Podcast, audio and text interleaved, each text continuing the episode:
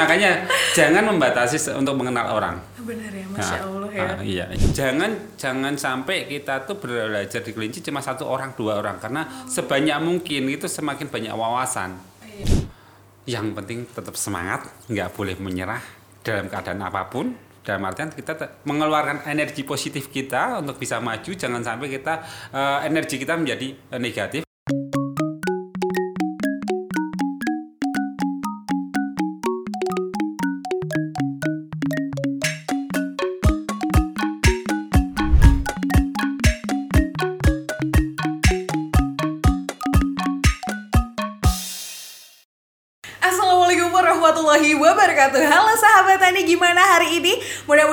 Sehat selalu, bahagia selalu, sukses dalam proses menjalani kehidupan. Nah, ngomongin soal hewan satu ini yang lucu satu ini Kayak kita harus ngobrol sama salah satu orang yang terkenal C.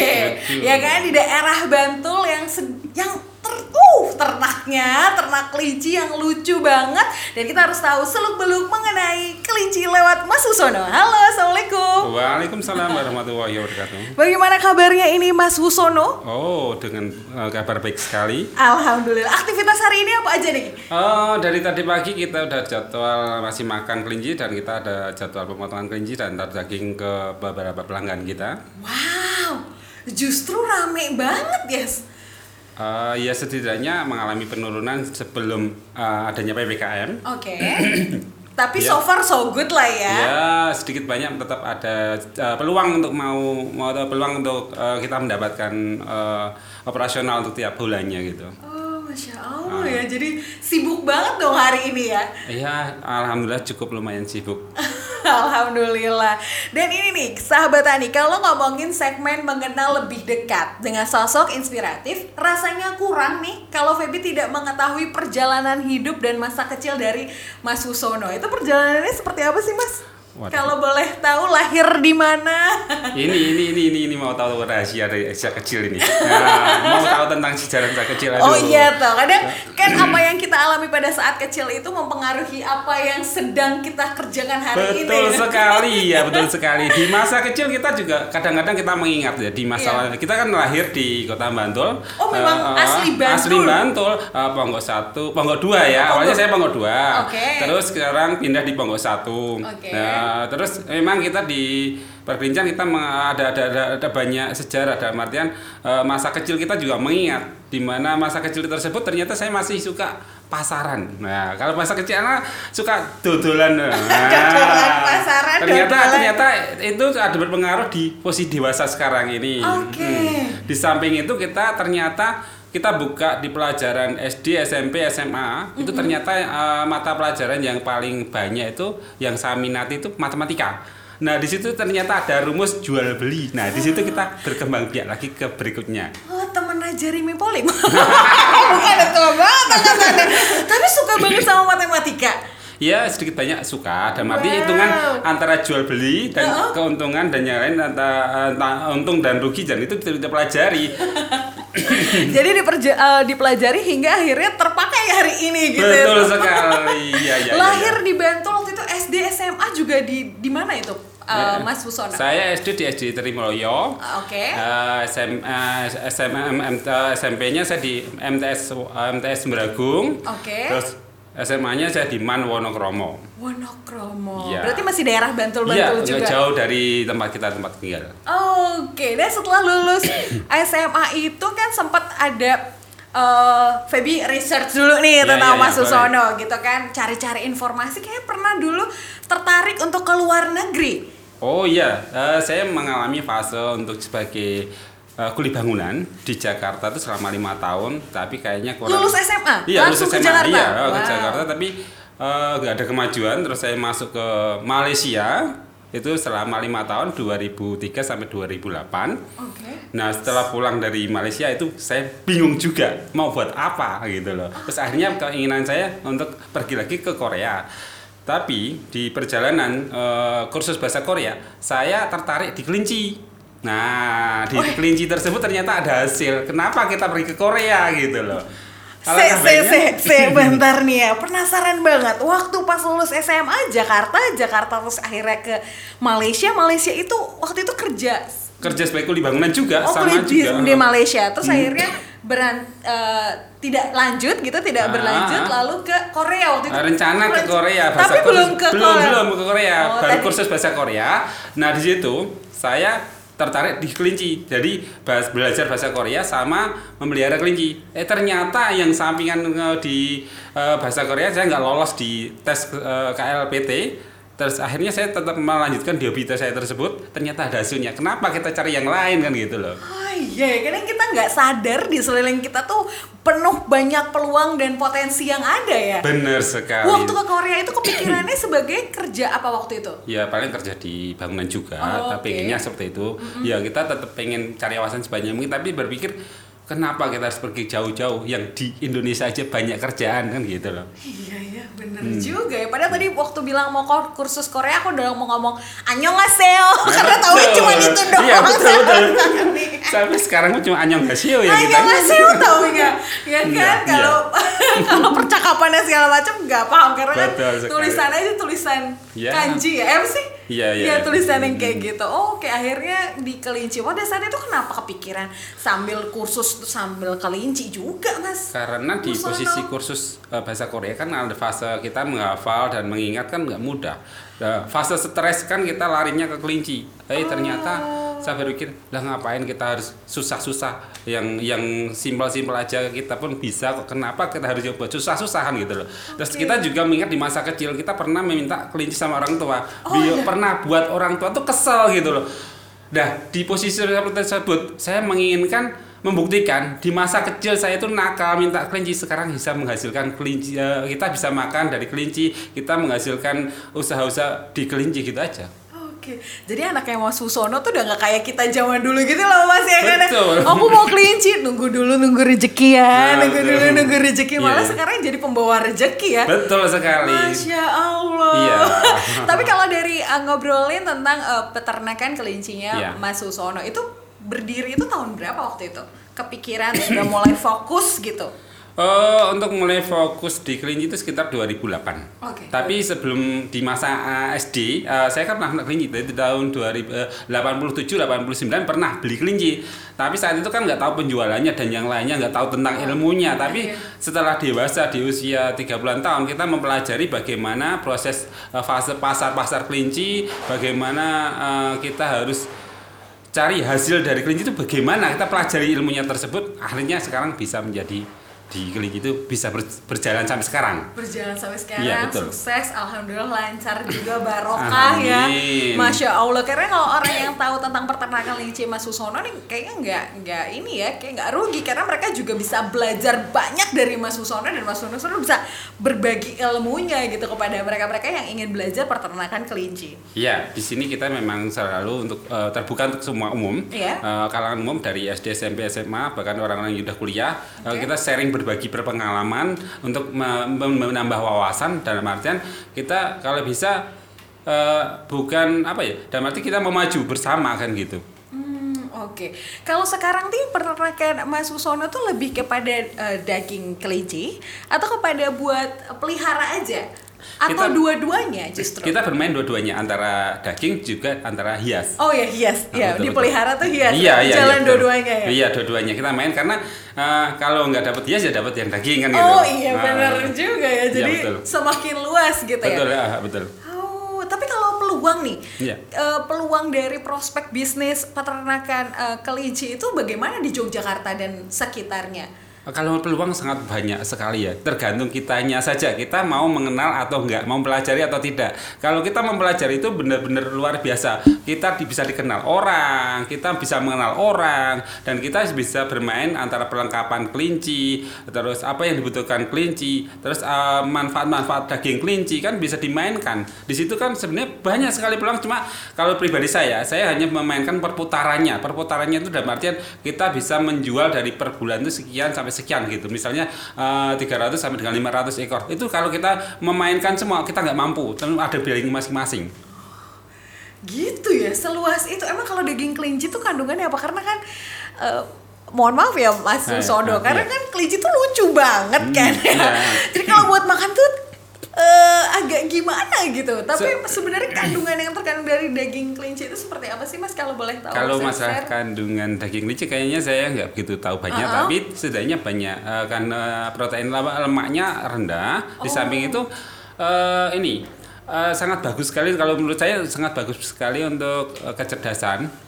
Di samping itu kan untuk pro- otak eh, gitu kita ya. soal soal soal mitos atau tidak atau ke apa itu namanya yang kelas eh, orang mau promil program hamil itu juga kayak pakai daging kelinci juga ada kan Oh, ini yang sering sering dijajah aja di Google kan Oh, iya, baru-baru banget. tahu Ah, biasanya. Ah, ah. Oh, justru daging kelinci juga membantu proses eh, kehamilan gitu ya, iya, ya, tapi saya kurang butuh paham Ah, tentang iya. melajarinya karena saya hanya berputar di perputaran kelinci. Iya, Kalau ditanya iya. itu enggak enggak bidang saya kan Iya gitu. tapi penasaran aja gitu Ah. karena kan eh, kalau ngomongin soal daging kambing kan prospeknya setiap apalagi Jawa Yogyakarta Iya, gitu iya, ya iya. Kelatak dan segala macam tapi kayak aku jarang banget lihat eh, kelinci apa mungkin memang tidak tahu atau bagaimana makanya ini ngobrol langsung sama Mas Susono gitu. Nah, sebenarnya kalau masalah daging kelinci jelas itu mesti ada karena uh, kelinci tersebut kan ada jantan. Kebanyakan jantan kalau nggak dipotong buat apa? Kebanyakan Oh kalau misalnya. iya, kalau Itu jantan misalnya, kebanyakan ah, dipotong ah, aja ya. Kalau misalnya ya afkir itu kan kalau nggak dipotong buat apa? Oh iya, kan bener. Juga. Itu tapi daging kelinci jangan, sangat uh, bagus uh, ada juga untuk dipakan buat uh, kucing-kucing yang bengal atau atau uh, kelas tertentu yang dia membutuhkan daging kelinci untuk pertumbuhan, Pertumbuhan. bulan bulunya bagus itu kan pakai daging kelinci. Oh ternyata daging kelinci nggak dikonsumsi kita sebagai Ah. manusia aja juga Ah, ada eh, ada ada fungsi-fungsinya untuk yang lain. Allah. Sebenarnya saya nggak tahu ya Iya. karena karena banyak request kita jadi Banyak tahu. ngobrol gitu ya, Ah, banyak- banyak tanpa, orang. tanpa request orang lain saya nggak tahunya ya apa. Masya Allah iya ya. Betul, iya. Karena kalau dengan kita mengenal banyak orang, link semakin banyak tuh kita jadi semakin banyak tahu ya Mas betul Susan. sekali. Makanya jangan membatasi untuk mengenal orang. Benar ya, Masya Ah, Allah ya. ah, iya, iya. Tapi nih, sebelum kita menutup segmen kita nih, Iya. mengenal lebih dekat, Vivi penasaran gitu. Ini nggak ada hal terlucu atau hal teraneh nggak saat ketemu banyak orang? Karena kata Feb- Febi denger-denger nih, Mas Susono tuh kan eh, eh, banyak orang yang datang ke peternakan gitu Iya, kan. ah. Terus ada nggak sih cerita lucu atau cerita yang, aduh sampai sekarang tuh nggak pernah lupa gitu di pikiran Mas Susono? Untuk ke cerita nggak lupa itu pertama pertama kali transaksi dengan pembeli itu yang benar-benar kita ingat rumahnya mana namanya siapa itu kita sangat teringat dan eh, akhirnya timbul kekeluargaan seperti macam kayak saudara gitu. betul sekali ya betul eh. Waktu itu berarti dia adalah pelanggan pertama. pertama kali dan orang yang pertama kali beli dan orang yang pertama kali jual juga ada ada Masya catatannya Allah. ini mas Ada kita masih sih- ingat masih Nah, ingat? masih ingat Masya Oh, Allah. itu yang buat kita tertarik dan semakin tertantang ke depan Dan semakin semangat ya. nah, betul betul sekali Baik sahabat Tani masih semangat untuk di segmen kedua kita untuk segmen berbudi dan berkarya.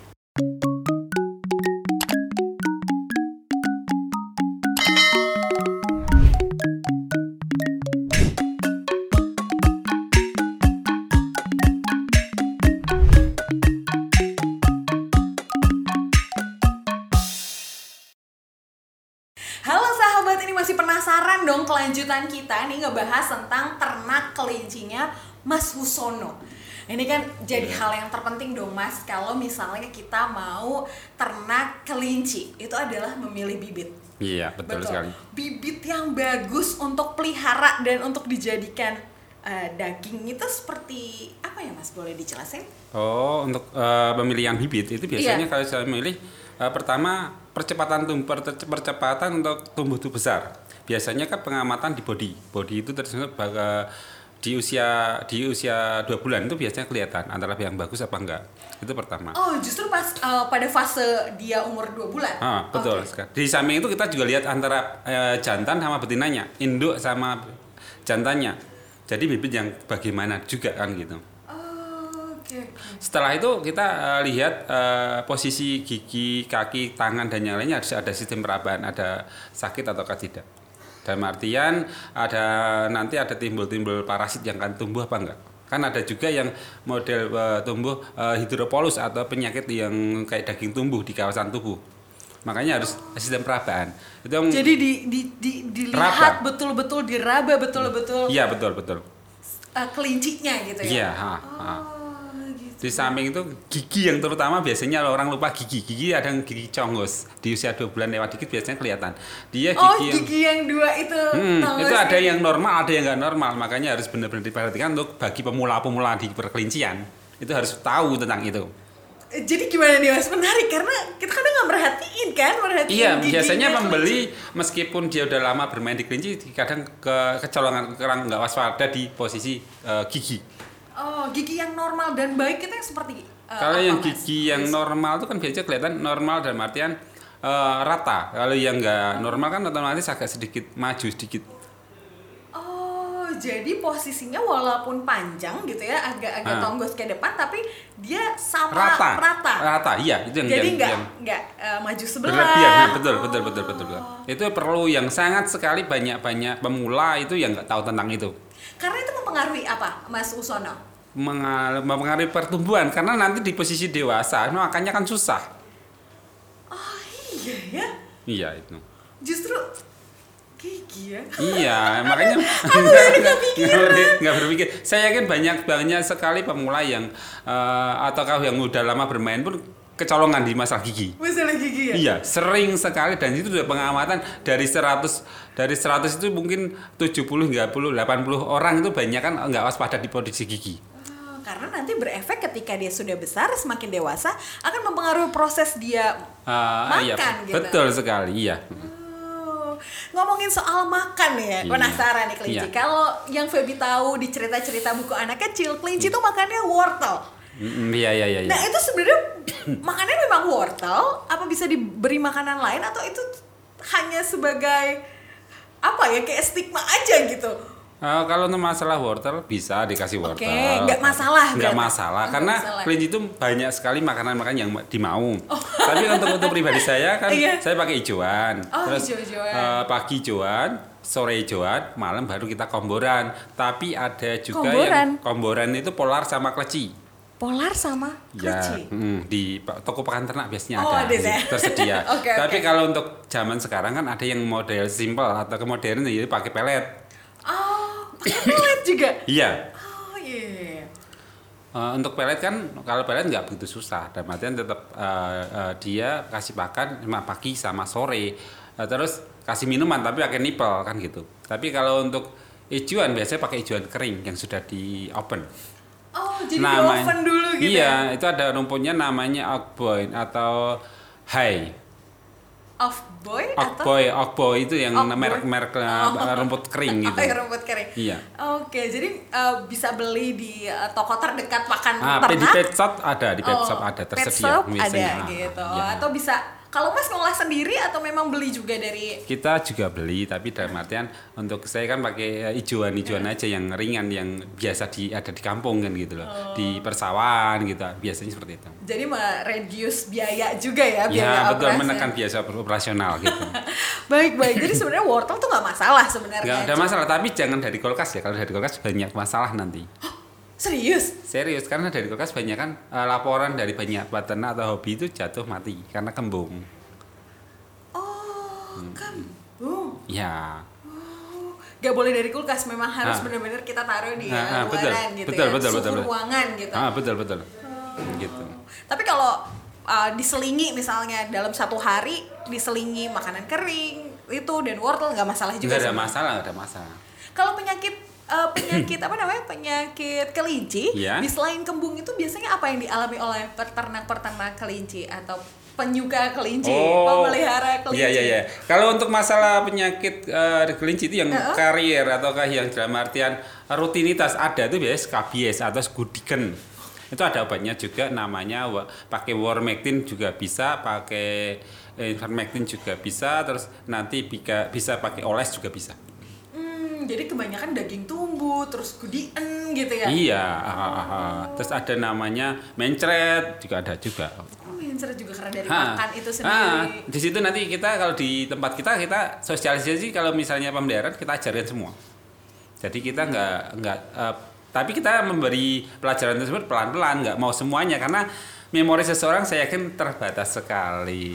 Iya sih. Kita nggak bersekian besok lupa. Iya, pasti pasti pasti. Karena yang diingat ketika kita melakukan, baru kita akan mengingat. Nah, ya. betul sekali, Melakukan tiap hari terus kita lihat benar-benar ternaknya dengan baik, mungkin kita akan selalu ingat karena Nah. itu terjadi di hidup kita gitu. Betul Kecuali sekali. hanya Iya, iya, iya, ngobrol gitu kan, Ah. mungkin akan lupa gitu. Iya betul betul. Kalau Oh. cuma ngobrol akan lupa, tapi kalau dengan pengamatan saya kan tercatat dengan jelas. Oh, masya Allah. Ngomongin tercatat, kalau kalau kelinci sendiri di peternakan Pak Mas Wusono ada catatan-catatannya nggak sih? Kayak misalnya ini adalah untuk pedaging dengan ukuran segini segini gitu.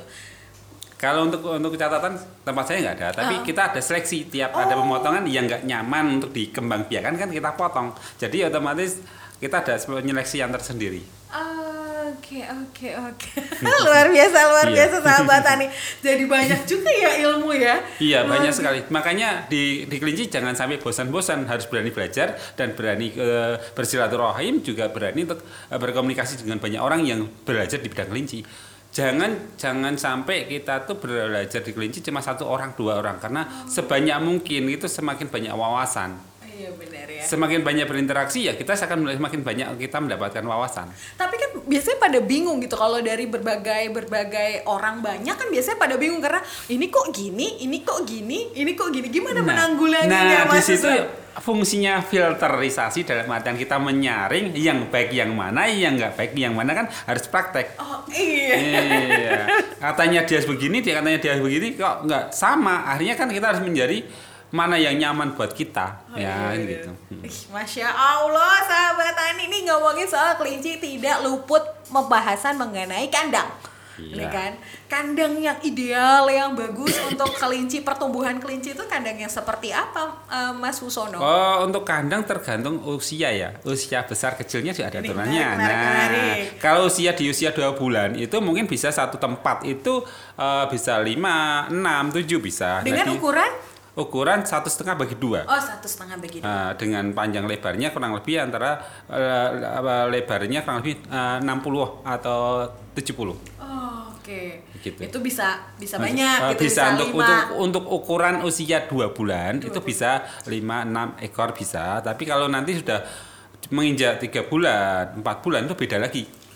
Eh, di tiga bulan itu paling enggak nanti sudah berkurang. Jadi diparuh lagi dari dari tadi misalnya enam harus jadi tiga dibagi tiga tiga, apa, Tiga. ekor. Ah, tiga ekor. Ah, terus nanti setelah dewasa lagi di persempit lagi satu ekor satu ekor tapi dengan segmen dan nanti kandangnya diperkecil lagi nggak nggak terlalu, terlalu luas banget gitu Kayak di awal gitu ya pada Iya. saat usia dua bulan. Nah, di usia usia satu apa? Di usia eh, lima bulanan itu paling biasanya ukuran kurang lebih panjang 70, terus lebar eh, 30 bisa. Oh, oke oke oke. Biar ruang gerak nggak begitu banyak, biar cepet gede, Cepet gede gitu ya. Nah, nanti udah udah siap untuk kawin baru kita kawinkan. Nah, siap untuk kawin itu di usia kelinci berapa bulan atau Ah, untuk kelinci siap kawin itu sekitar 7 bulan, 6 bulan juga bisa, tapi lebih nyamannya 7 bulan, 9 bulan. Oh, Iya. oke itu dia udah nyaman sudah siap gitu ya. Nah, kalau rahim udah siap kan nyaman untuk siap kawin. Oh, Tapi kalau belum iya. siap rahimnya ya gimana mau kawinnya jadi anak? Oh iya Ah. bener sih.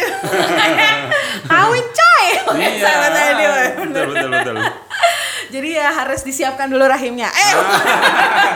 Setidaknya ketika rahim sudah matang dan artian kondisi udah nyaman. berarti dua-duanya sama di usia 7 bulan laki-laki jantan eh, 7 bulan, perempuan juga di usia 7 8 bulan gitu. Iya, tapi kenyamanan kalau jantan 9 bulan, Oke. betina 7 bulan udah siap. Oh, udah siap. Mm-mm. Oh, Kalau di jantan sekitar 7 bulan kayaknya belum begitu siap, belum begitu matang. gak matang Iya. ya. Oke oke menarik luar biasa sahabat tadi ya kan. Nah ini kan usia eh, kawin ya gitu kan kita Hmm. eh, eh, mengetahuinya. Nah kalau misalnya usia dua bulan nih flashback lagi dua bulan makannya sama apa beda sih ketika dia sudah siap kawin atau pas saat dua bulan pemberian makannya sama atau beda atau bagaimana? Ya tentu ada ada perbedaan di usia Oh, oke. eh, masih anakan biasanya kan makannya juga banyak. Uh-huh. Di samping itu juga nutrisi-nutrisi yang lain juga dipenuhi juga. Jangan sampai eh, beda apa eh, sedikit nutrisinya kurang takut pertumbuhannya kurang besar. maksimal juga Nggak ya. kurang maksimal betul betul betul. Masya Allah, Masya Allah. Ya. Nah, terus ngomongin soal tadi lagi nih, Iya. penasaran lagi nih, Feby siap kawin. Oh, maksudnya eh, ketika sudah proses eh, siap kawin itu apa sih yang dilakukan peternak selain eh, menyatukan kandang antara eh, betina dan jantannya? Oh, untuk masalah kawin kan jelas ketika kita lihat yang betina sudah siap memerah di kondisi ra, eh, apa eh, vaginanya sudah si- eh, memerah itu biasanya kan tanda eh, betina mau kawin atau tingkat kegelisahan cukup luar biasa di betina loh ini. Betina Biasanya- gelisah ya? Biasanya gelisah. Oh, Nah, situ oke, dia oke. minta kawin. Setelah itu, setelah dikawinkan, itu dua minggu. Kalau yang udah tahu ilmunya, kita main raba atau palpasi ilmu di ke- perkelincian. Jadi mau untuk mengecek ini posisi benar-benar bunting atau tidak. Nah, setelah dua minggu, kalau sudah benar-benar bunting, kita siapkan next box setelah seminggu berik- se- berikut minggu berikutnya. Tapi kalau nggak nggak eh, ada tanda-tanda bunting atau nggak ada tanda bunting, kita kawinkan lagi. Kawinkan. Nah, kalau sudah bunting ya sudah siapkan next box. Tunggu 28 sampai 35 hari dia beranak. Nah, kalau misalnya biasanya 28 sampai 35 hari udah jadi beranak. dia raba, jadi ketahuan gitu kalau dia Iya. hamil tuh ketahuan gitu. Eh, eh, kalau udah, udah, udah dua minggu eh, dia kita raba sudah ketahuan dia bunting atau tidak. Lewat perutnya. Iya, kawasan rahim. Kalau udah yang belajar harus harus proses lama Oh, iya, iya, nggak- bener, bener, dari ini yang saya jelaskan harus main ke kandang itu lebih nyaman lagi dan kita akan tahu. Siap sahabatan dan nanti kita akan main ke kandang dan main juga untuk belajar lebih lanjut untuk segmen selanjutnya keresahan milenial.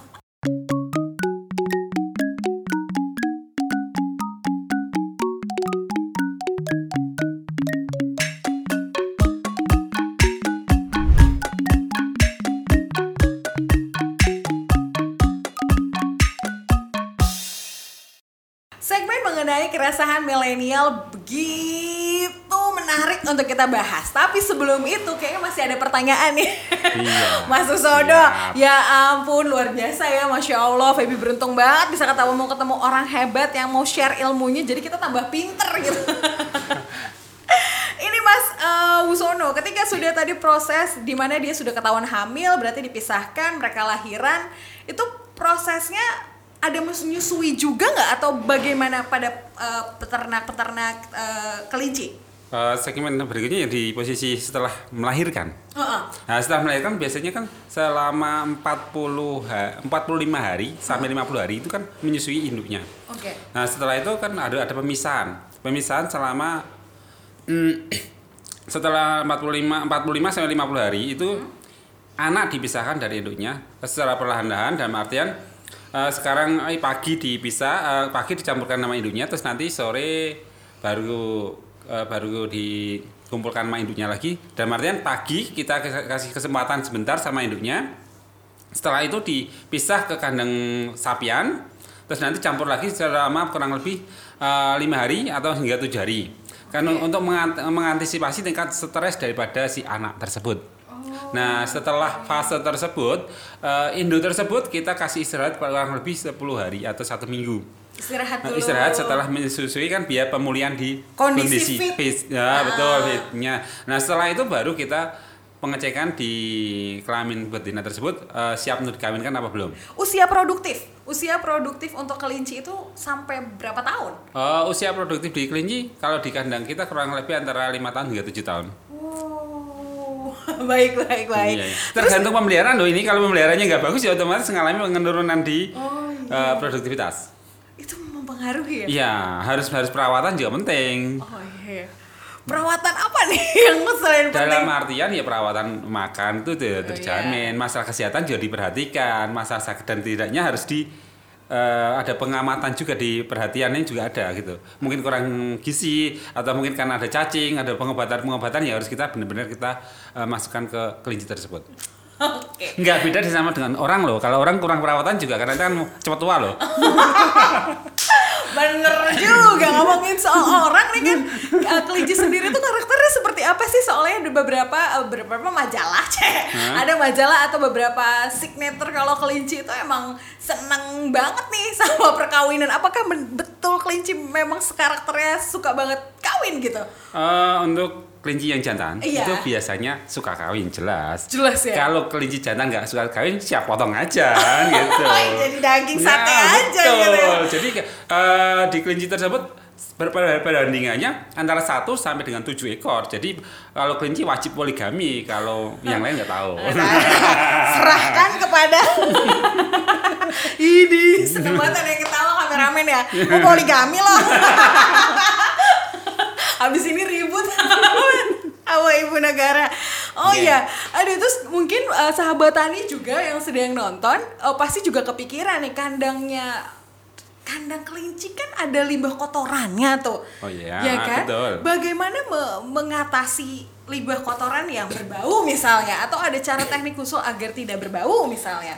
Eh, untuk teknik di kandang kita untuk eh, mengantisipasi tentang masalah bau dan tidaknya itu biasanya karena tempat kita itu terbuka itu pertama kedua di bawah kita bawah alasnya itu eh, tanah Oh. jadi kalau tanah insya Allah untuk eh, masalah air urinnya itu nggak begitu bau karena langsung menyerap ke tanah Dan tanah jadi subur ya. Betul. Nah, kalau di kandang yang main pakai apa talang terus pakai di plester itu ya harus rutinitas kebersihan harus dijaga.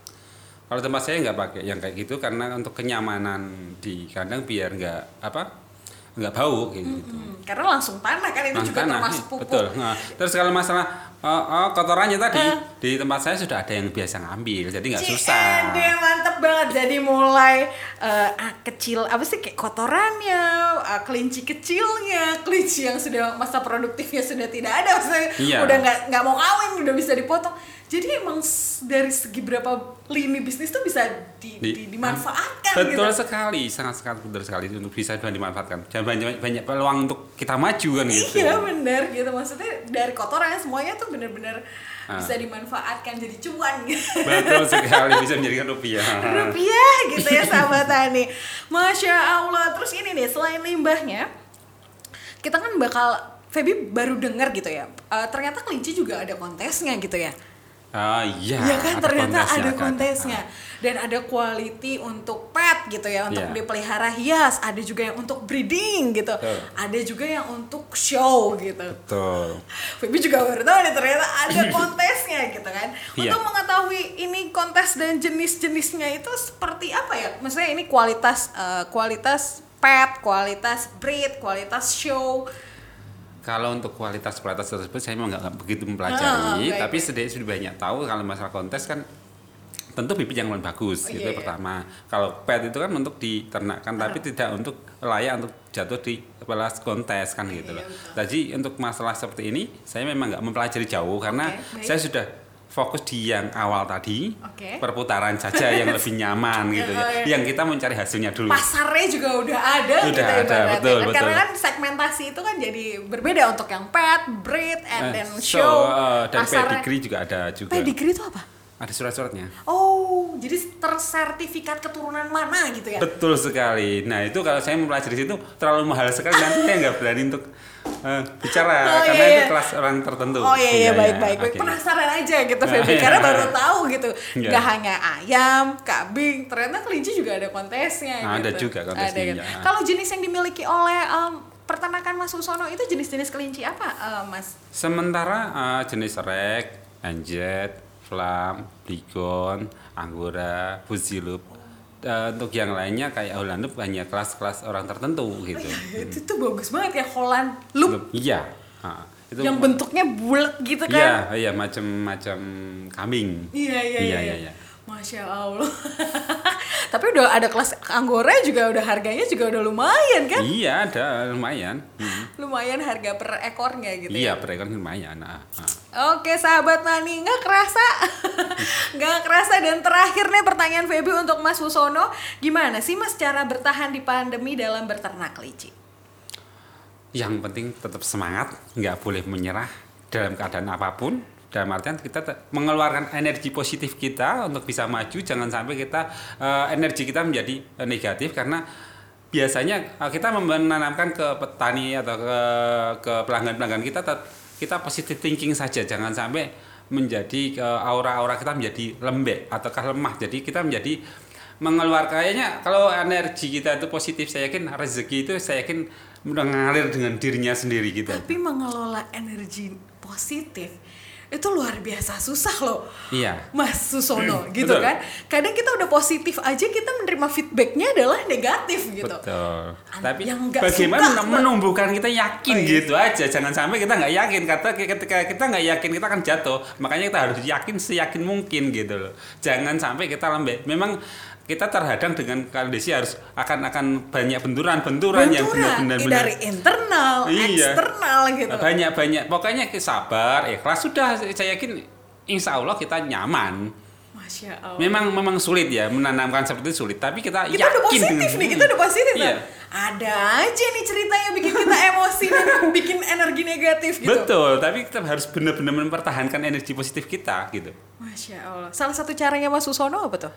Iya pertama buat hati kita senang gitu aja. Dengan kesibukan yang over dalam artian kita nggak boleh kita diem dengan keadaannya seperti ini. Tapi kita buat kerjaan yang sebanyak mungkin dalam artian kesibukan-kesibukan itu kita harus harus ada. Jangan sampai diem. Jadi kita- fokus kita juga nggak yang negatif gitu ya. Iya jangan sampai kita cuma hanya fokus mikirin hasil mulu. Kan kita loh ternyata lagi ada pandemi ada mikirin hasil otomatis kita kan lembek. Ada hasil. Tapi dengan kita mau fokus dengan kesibukan saya kan banyak kesibukan. Kalau di kelinci kan misalnya saya terus terang kayak saya di jalan kelinci ada kandang ada perlengkapan ada yang lainnya. Alhamdulillah saya, saya nggak di rezeki bibit mungkin nggak laku tapi kandang bisa jalan. Masya jadi tetap Allah. kesibukan itu sebanyak mungkin di kelinci sangat banyak sekali. Kalau mau untuk sharing boleh datang ke tempat saya. Wih, Jalan. Megiri Barat KM 10 dengan map Pusana Kelinci. Masya Allah sahabat. Tadi terima kasih banyak Mas Susono.